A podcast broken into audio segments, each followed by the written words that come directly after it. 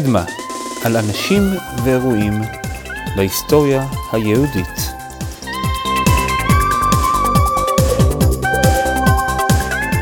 פרק 23 המהר"ם מרוטנבורג שלום וברוכים הבאים לקדמה, אני נועם אשכולי. היום אתם מוזמנים לבוא איתי למאה ה-13. השנה היא 1286. המקום הוא גרמניה. אשכנז בפי היהודים. בעיר אנזסהיים. במקום נמצא הרב החשוב של אותה תקופה, ומגיעה אליו שאלה. שאלה לא פשוטה. האם לפדות יהודי מהשבי כאשר המלך ששבה אותו מבקש סכום מופרז, ללא שום פרופורציות? מצד אחד, פדיון שבויים זו מצווה חשובה מאוד שמבטאת את הערבות ההדדית שלנו. כל אדם הוא עולם ומלואו. הופכים עולמות כדי לשחרר יהודי אחד מהשבי. אבל מצד שני, אם נפדה במקרה הזה, אז הגויים ימשיכו לתפוס עוד יהודים רק כדי לקבל את כופר הנפש. זה לא ייגמר לעולם. הרב פוסק על פי המשנה. אין פודין את השבויים יותר על כדי דמיהן מפני תיקון העולם. לא תשובה פשוטה במקרה הזה. להשאיר יהודי בכלא לשנים. אבל במקרה הזה זה עוד יותר קשה. היהודי שנתפס בכלא הוא אותו הרב שענה לשאלה. הוא היה צריך להכריע אם לתת ליהודים, לקהילה, לפדות אותו. לרב הזה קוראים רבי מאיר בן ברוך. המהר"ם, המהר"ם מרוטנבורג. מי הוא המהר"ם מרוטנבורג? איך הוא הגיע למציאות הזאת? בואו נתחיל.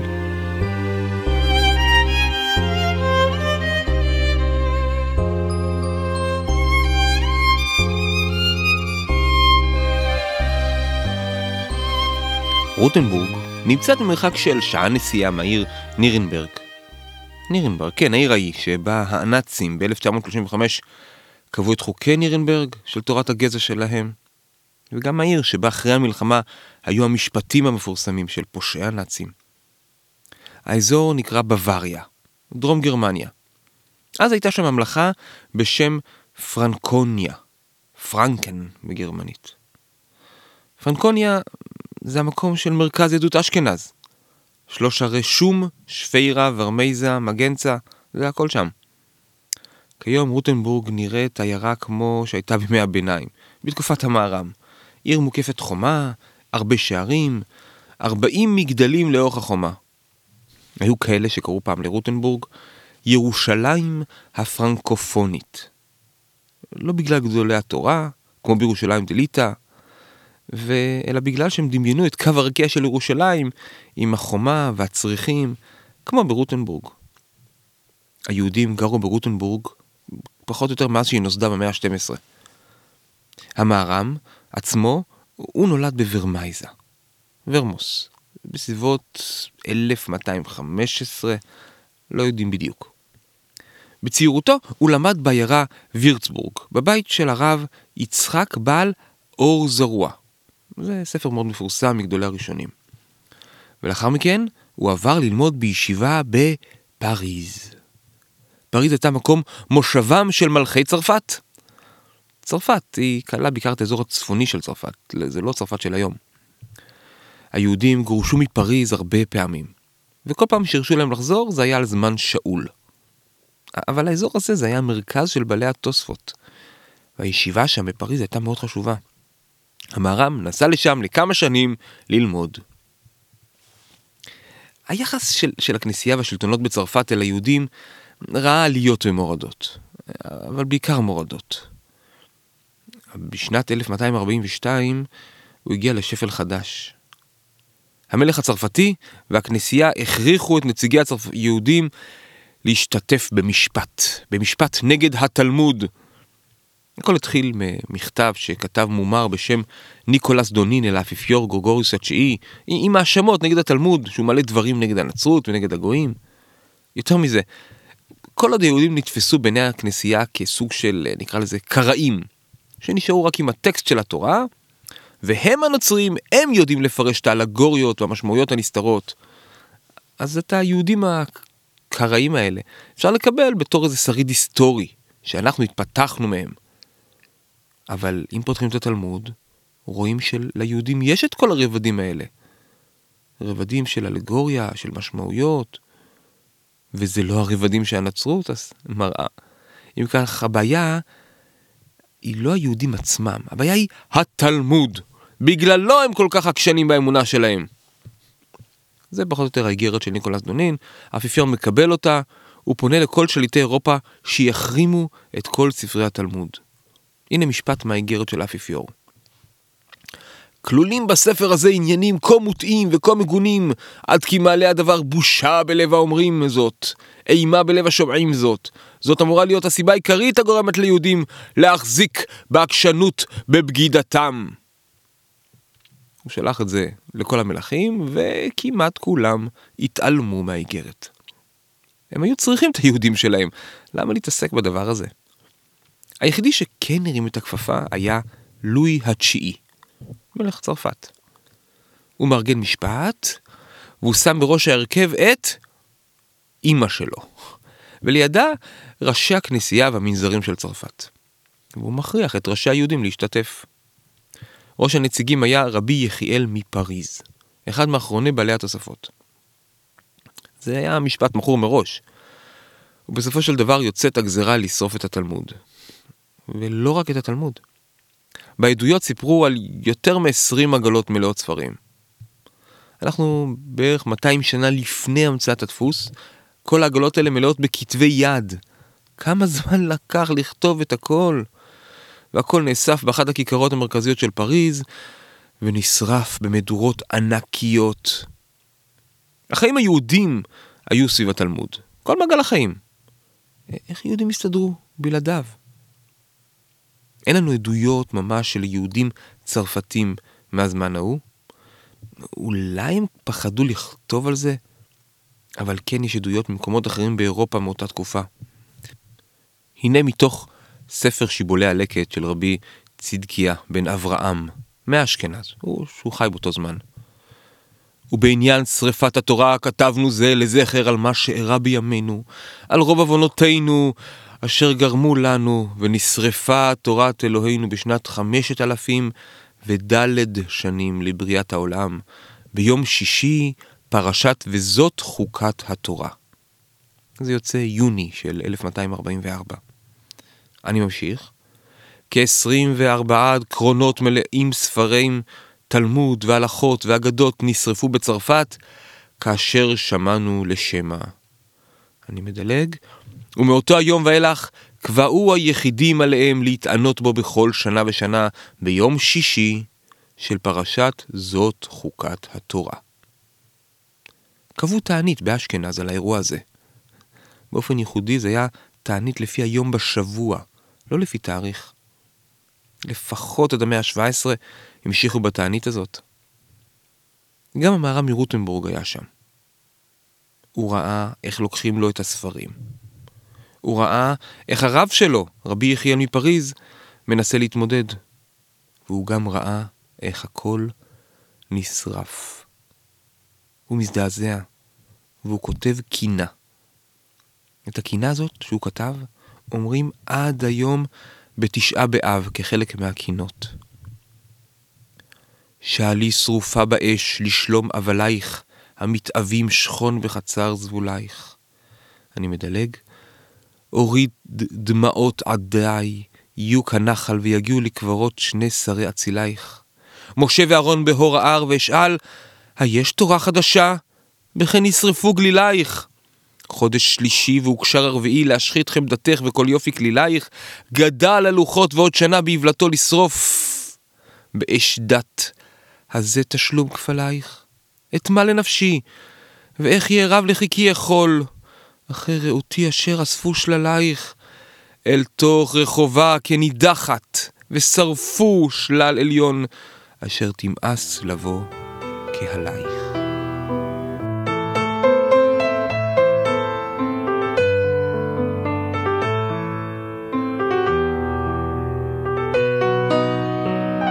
אחרי שרפת התלמוד, למהר"ם אין מה להישאר בפריז. גם הרב שלו, רבי יחיאל מפריז, מחליט לעזוב, והוא מפליג לארץ ישראל עם תלמידיו. יכול להיות שהוא הגיע לעכו, לא בטוח, מתלבטים. והמהר"ם עצמו, הוא חוזר לגרמניה. הוא משתקע בעיר רוטנבורג. מפה אנחנו נכיר אותו בתור המהר"ם מרוטנבורג. הקהילה היהודית של רוטנבורג הייתה אחת הקהילות העתיקות ביותר בגרמניה. זה בערך 150 קילומטר מעמק הריין, מקהילות שום. המהר"ם מקים שם ישיבה שמושכת תלמידים רבים מכל קהילות אשכנז. בין צרפת לגרמניה היה סוג של נדנדה. כשיש לחץ גדול על היהודים במקום אחד, המקום השני עולה. היה קשר הדוק בין הקהילות של גרמניה וצרפת. קשר תרבותי, משפחתי, הלכה, מנהגים. מעבר של תלמידים ממקום למקום היה מאוד נפוץ. זאת מתקופת רש"י, שהגיע מצרפת, למד באשכנז וחזר לצרפת. דיברנו על זה בפרק 12.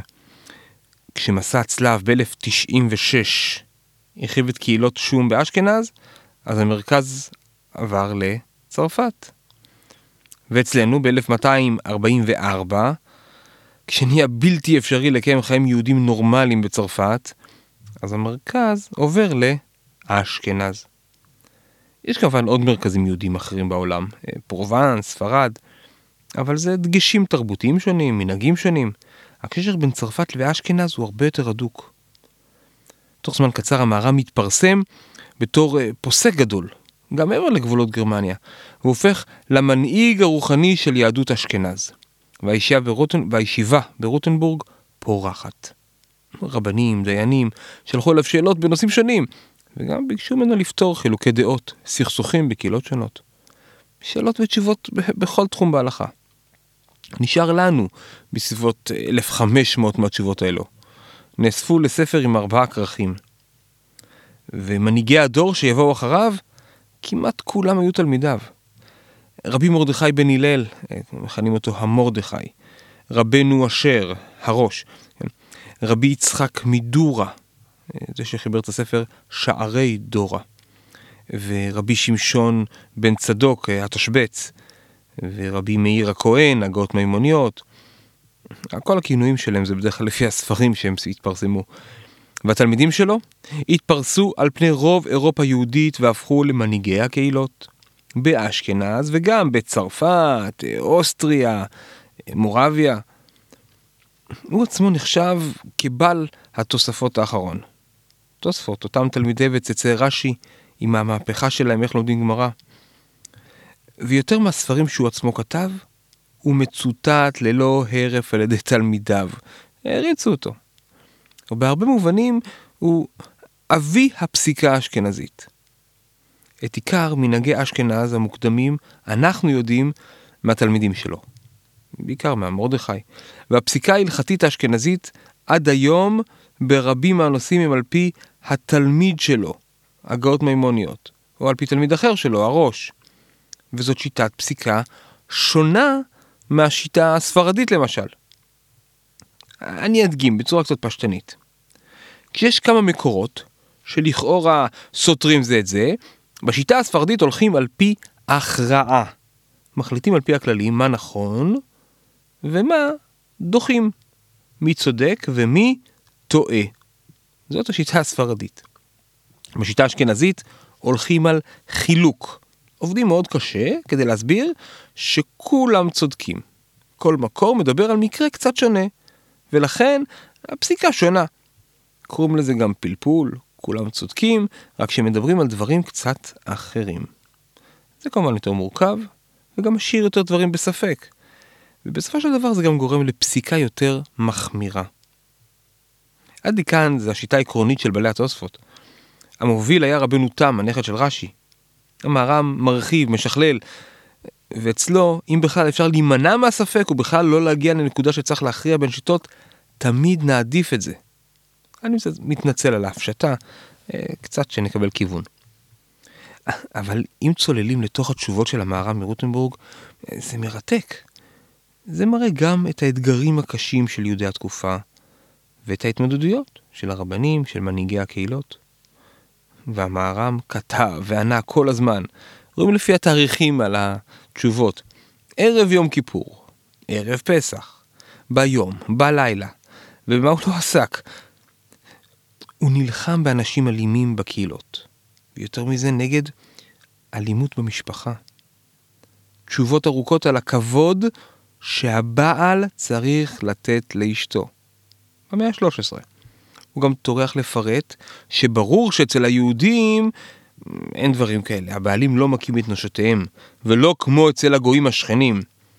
והוא גם מפרט איזה עונשים היו נותנים, אילו איזה יהודי היה עושה את זה. הוא פוסק שבעיר שכולה כהנים, למשל, מעלים נשים לתורה. הוא עוסק בשאלות רגילות שכל רב עונה להם, כשרות, שבת. הוא גם עוסק הרבה בענייני מסחר וכלכלה. זה, זה מרתק למשל לראות את האיזון שהוא נותן אה, בין מעמד של הפרט למעמד של הקהילה. אצלו הקהילה היא אומנם אוסף אנשים מאינטרסים שותפים, הוא קורא לזה שותפות, אבל הוא מגדיר את זה גם קהל קדוש. חזון משותף, ואז בשגרה יש עדיפות לזכויות הפרט. אבל במקרה חירום, השרידות של הקהילה היא הקובעת. הוא מדבר גם על, על החשיבות של ארץ ישראל, על עלייה לארץ. הוא אומר אבל גם שבזמנו שלו אישה לא יכולה להכריח את בעלה לעלות לארץ. ולא כמו שפסקו בגמרא. כנראה בגלל המצב הכלכלי בתקופתו. אבל מצד שני הוא כותב שאם בן רוצה לעלות לארץ וההורים מתנגדים, הוא לא צריך להקשיב להורים. בתשובה קצת מפתיעה, הוא מדבר למשל על הלוואות בריבית. הלוואה בריבית זה איסור ברור חד משמעי, אבל המהר"ם כותב שהוא לא יפרסם את זה לאנשים, שזה אסור. למה לא לפרסם הלכה כל כך פשוטה? כי עדיף לא לומר דברים שממילא אף אחד לא יקשיב להם. לא שזה מותר, אבל הוא יודע לבחור את המלחמות שלו.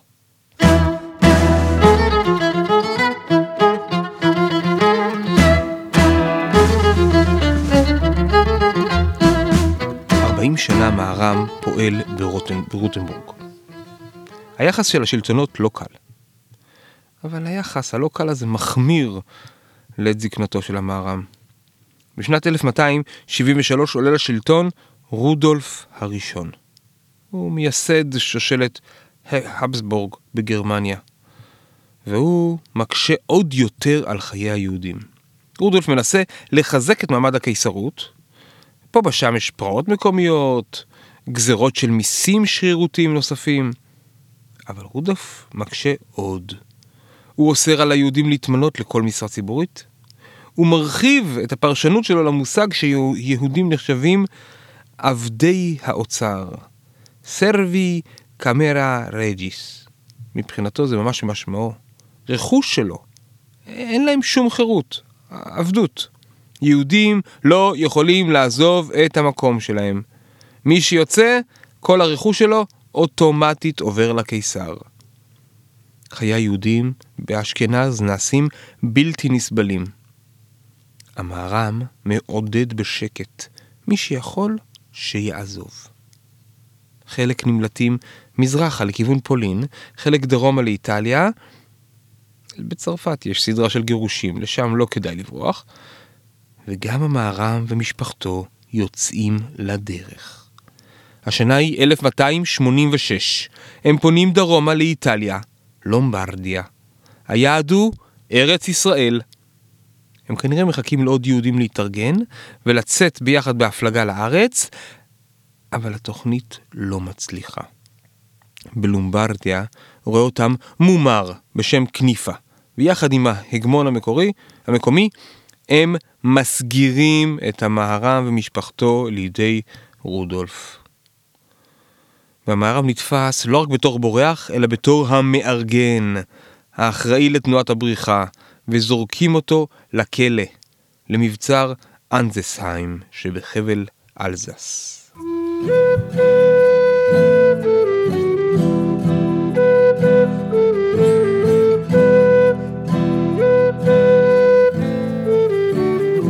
גדול הדור, המנהיג של כל יהדות אשכנז, הכתובת לכל שאלה הלכתית, שבוי בכלא של הקיסר רודולף.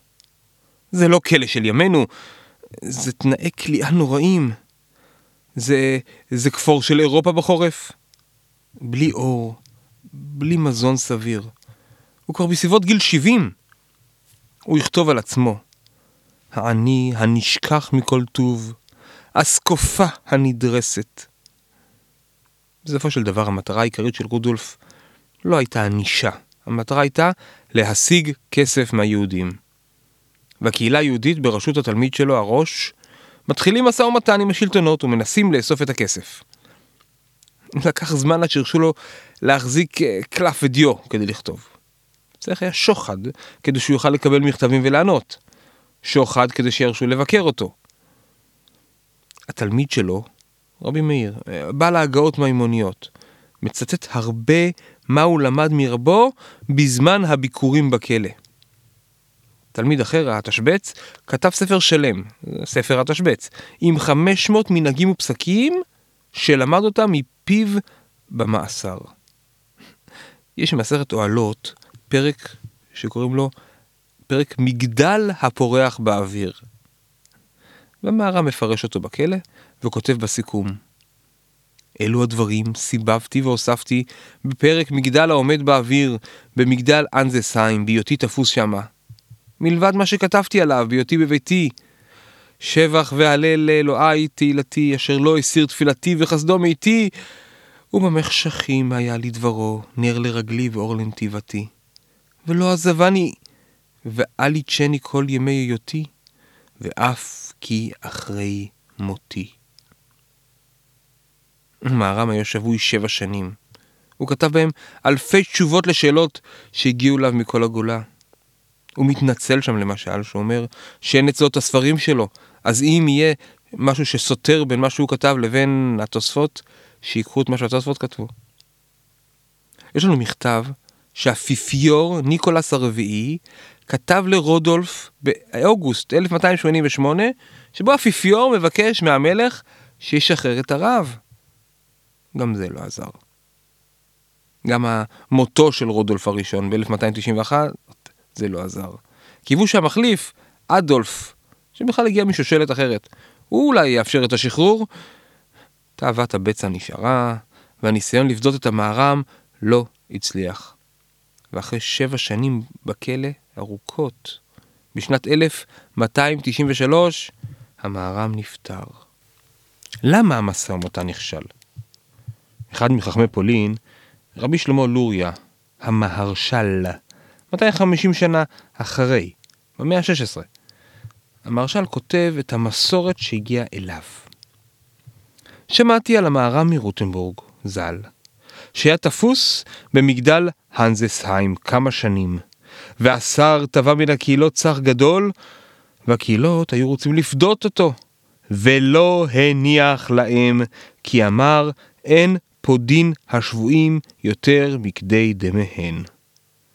כלומר, הסכום שביקשו עבור השחרור היה גבוה מדי, ולכן המהר"ם לא אפשר ליהודים לשלם, והעדיף להישאר בכלא.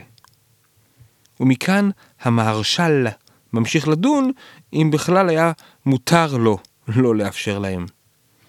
ותמה אני מאחר שהיה תלמיד חכם מופלג, ולא היה כמותו בדורו בתורה בחסידות, ושרי, אה, מותר, לפדותו בכל מקום שבעולם. ואם מרוב ענוונותו לא רצה להחזיק עצמו כתלמיד חכם מופלג, מכל מקום היה לו לחוש על ביטול התורה, כאשר כתב בעצמו שהיה יושב בחושך וצלמוות בלי תורה ואורה, והיה מקונן שלא היו אצלו הספרי הפוסקים והתוספות, ואיך לא חשש לעוון ביטול תורה שרבים צריכים לו? הוא מתרץ בהמשך שהמהר"ם מרוטנבורג כנראה הבין שאם ישחררו אותו בסכום מופרז, זה ימשיך הלאה והשלטונות יכלאו עוד ועוד יהודים רק בשביל הכסף. אבל לא כולם מסכימים שזה מה שקרה שם. יש לנו את הצוואה של אחד מהבנים של הראש, התלמיד של המהר"ם, קוראים לו רבי יהודה בן הראש. הראש בורח לספרד, ונדבר על זה בפרק הבא. הבן שלו מסביר מה הייתה הסיבה לבריחה. וסיבת ליציאת אדוני אבי הז"ל הייתה מפני תפיסת הרב רבי מאיר מרוטנבורג ז"ל, שתפסו המושל, והקהילות של אשכנז פדאו בממון רב, והמושל לא רצה לקח ערב, רק אדוני אבי. והוא צריך להיכנס ערב בממון רב, וקודם שנחלק הממון על הקהילות, נפטר הרב רבי מאיר בתפיסה, והמושל העליל על אדוני אבי, באומרו כי מאחר שנפטר בתפיסה קודם שפטרו מן המאסר, באחריותו נפטר, והקהילות, והוא שיהיו פורים הממון. ונשמט מלפניו, והלך לעיר אחרת. ומפני יראתו מן המלכות יצא מאשכנז, ובא לעיר הגדולה, העיר טוליטולה, טולדו. כלומר, הוא מסביר שהסכום היה גדול, ולקח הרבה זמן לנסות לאסוף אותו, הם לא הספיקו, והמהר"ם נפטר לפני זה. ובגלל זה הראש ברח. הוא לא מרשה, הוא לא מזכיר שהמהר"ם לא הרשה להם לפדות אותו בסכום כזה. אז מאיפה המהרש"ל הביא את הסיפור? יותר מזה, כשהראש, כשהראש בעצמו כותב פסקים אחר כך שאסור לפדות שבויים יותר מגדי דמיהן, הוא בכלל לא הזכיר את הרב שלו, את המהר"ם מרוטנבורג. לא לכאן ולא לכאן. תראו, אבל מצד שני גם מה שרבי יהודה בן הראש כתב, כנראה לא לגמרי מדויק עד הסוף. כי היו עשר שנים בין הפטירה של המהר"ם ועד שאנחנו יודעים שהראש באמת ברח. ולא כמו שהוא סיפר. אז מה בדיוק היה שם? יש דיונים מרתקים בקרב חוקרים, ולא באמת יודעים. אולי זה היה משהו באמצע. היה משא ומתן, ובסכום המקורי שהמלך ביקש, המערב סירב לאפשר להם לפדות אותו, אבל גם אחרי שהסכום ירד, הם לא הספיקו. ואז הוא נפטר מאסר. אולי. שיר למעלות, אשא עיניי אל מאין יבוא עזרי, עזרי מעם השם. עושה שמיים למרות מותו הטרגי של המר"ם מרוטנבורג, הסיפור לא נגמר כאן.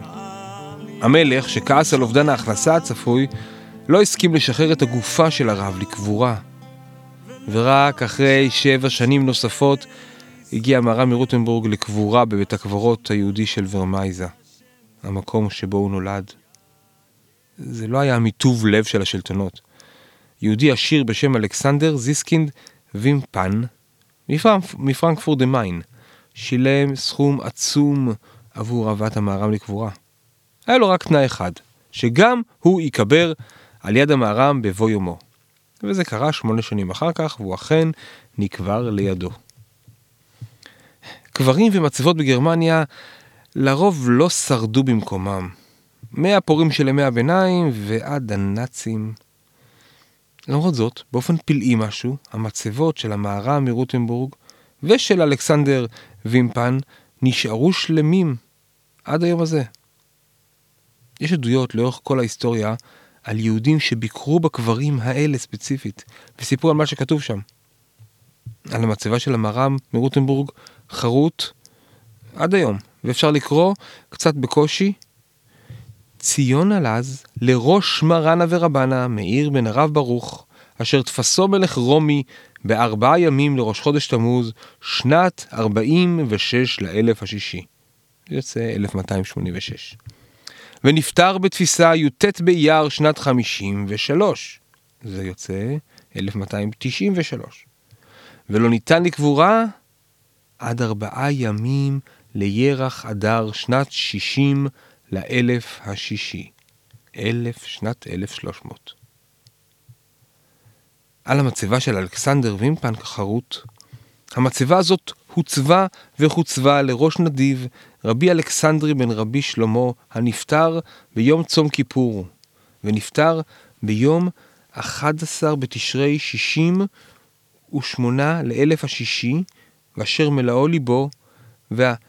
והשם עינה לידו לעשות מצווה רבה ולפדות את מורנו רבי מאיר בן הרב רבי ברוך מכלאו אשר היה תפוס בו אחרי מותו כמה שנים עד שנאות הנדיב ופדאו וזכה להיקבר לצידו. כל זה חרוט על המצבה. שאול צ'רניחובסקי, המשורר, זה מהרחוב, המתרגם, הרופא, זה מהשטר הירוק של 50 שקל. ישב בתל אביב בשנת 1942 וכתב. כתב בעיצומה של מלחמת העולם השנייה, בזמן שגרמניה שולטת על רוב אירופה, סדרת שירים בשם בלדות ורמייזה. באחד מהם הוא מספר על המרדף של המלך רודולף אחרי המערם עד איטליה. אה, בגדול, במילים שלי, אין לך מה להתעסק חוץ מלרדוף אחרי זה יהודי אחד? אני משאל, אני חושב, לתקופתו ברור. ובשיר אחר הוא מתאר שני קברים, של המערם ושל פודה עצמותיו, אלכסנדר וימפן. הנה כמה שורות מהשיר. על גדות הריין בעמק, בעיר ורמייזה, שם, מתים נמים שנת נצח בבית עלמין ישן. אני מדלג. וביניהם בתווך, וזה לזה סמוכים, שתי נפשות של אבן לבלתי כל קישוטים. אותה מידה וקצב, אותו הניב התם, גל אלכסנדר וימפן וגל המהרם. ושלוש עשרה שנים עוד המלך בו יסחור, עד שמילא רב וימפן לא או זהב טהור. ותנאי יתנה רב וימפן, תנאי ראובן וגד, בבוא שעתו יקברו, אחד אל מול אחד. ובעבור בו הלך במקום הקדוש. על קבר המהר"ם, שם יעמוד ירכין הראש, ירכין ראשו כנגד כבודה של התורה, וכבוד עמו בחרב, וכבוד גולה שחורה, ובעבור בו הלך במקום קדוש, על גל רב, רב זיסקינד וימפן, ירים בגאון הראש. אם יש, אם יש בקרבנו כשניים כמותם, לא פסו מעמנו שרוח ולב תם, עד שעולים בגזע בדי עונו ועלים, עוד יש ברכה בכרם, עוד יעש הילולים. שחקי שחקי על החלומות, זו אני החולם שח. הצהרות של היהודים ברוטנבורג לא הסתיימו. ב-1298 פורצות פרעות בשם פרעות רינדלפלייש. כמעט כל הקהילה נרצחת. נספר על זה בפרק הבא.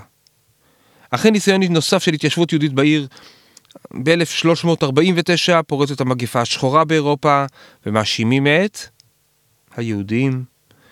והיו פוגרומים ורציחות ובסוף גם גירוש כולל. והסיפור חוזר, וניסיון נוסף להתיישב במקום, להתיישב, ואחר כך עוד פעם גירוש, והגירוש הסופי היה ב-1520, ורק במאה ה-19 הרשו ליהודים להתיישב מחדש ברוטנבורג. ובאוקטובר 1938 אספו הנאצים את שארית יהודי העיר ושלחו אותם למחנות ההשמדה.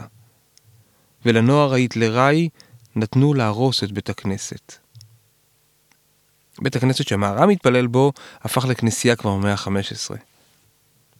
היום ליד הכנסייה הזאת, שפעם הייתה בית כנסת, בהמשך הכיכר, על קיר בית מספר 5, לצד דלת כניסה למסעדה, יש שם שלט ברונזה תלוי, עם איור של המהר"ם, והסברים בגרמנית על פועלו, פועלו ותרומתו לעיר של המהר"ם, בתרגום חופשי. רבי מאיר בן ברוך מרוטנבורג, אחד הרבנים החשובים ביותר לזיכרון. נולד בוורמוס ב-1220, חי ועבד ולימד פה מ-1250 עד 1286 בבית הכנסת ובישיבה שהיו כאן באחד הבניינים. הבתים האלה היו הרובע היהודי הראשון ברוטנבורג. הוא מת ב-1293 בהנזנסיים אלזס ונקבר ב-1307 בוורמוס. זהו, זה, זה מה שכתוב. אף מילה איך הוא הגיע לאנזסהיים ולמה בדיוק הוא מת דווקא שם. שמתי תמונה של השלט הזה באתר למקרה שאתם אה, קוראים גרמנית. מקום אחר בעיר הזאת, מקום שהיה מחוץ לחומה, המקום שבו הרשו ליהודים לשבת אחרי הפרעות, נמצא גן שקוראים לו היום גן מאיר, גם על שם המהר"ם. בתוך החומה שיבצו עשרות מצבות יהודיות עתיקות שמצאו באזור. מה גורם לגרמנים של היום להנציח? זה, זה גאווה על, דמות, על הדמות המופלאה שפעלה בעירם, אולי זה רגשות אשמה? לפי דעתכם, אנחנו צריכים להגיד תודה על ההנצחה הזאת? היום אין יהודים ברוטנבורג, אבל בכל שנה באוקטובר יש ברוטנבורג שבוע היהדות, שמי שמארגן אותו זה הכנסייה הפרוטסטנטית, עם קלייזמרים והרצאות על היסטוריה יהודית. המהר"ם מרוטנבורג מת בכלא, אבל התלמידים שלו המשיכו לפעול. השפעה עצומה על כל העולם היהודי של המאה ה-14, השפעה שמגיעה עד לימינו. רוב ההיסטוריה לא היה קל להיות יהודי, אבל בתקופה ההיא, במקום ההוא, המהר"ם מרוטנבורג היה דמות מיוחדת, אבל אני מקווה שדרכו אנחנו יכולים קצת להבין איך חיו יהודי אשכנז במאה ה-13. תראו, צריך עוד לספר על פרעות רנדפלייש ועל המעבר של הראש. התלמיד המהר"ם לכהן בתור רב קהילה בטולדו הספרדית. אבל על זה, על זה כבר נספר בפרק הבא של קדמה. ועד כאן להפעם. עוד פרטים, מקורות ואיורים תוכלו למצוא באתר הבית, קדמה.xyz. יש דף בפייסבוק להראות והצעות, וגם קבוצה בטלגרם. אפשר למצוא אותנו בכל יישומון הסכתים, או בספוטיפיי. תודה שהאזנתם, מקווה שנהנתם. נשתמע בפרק הבא של קדמה.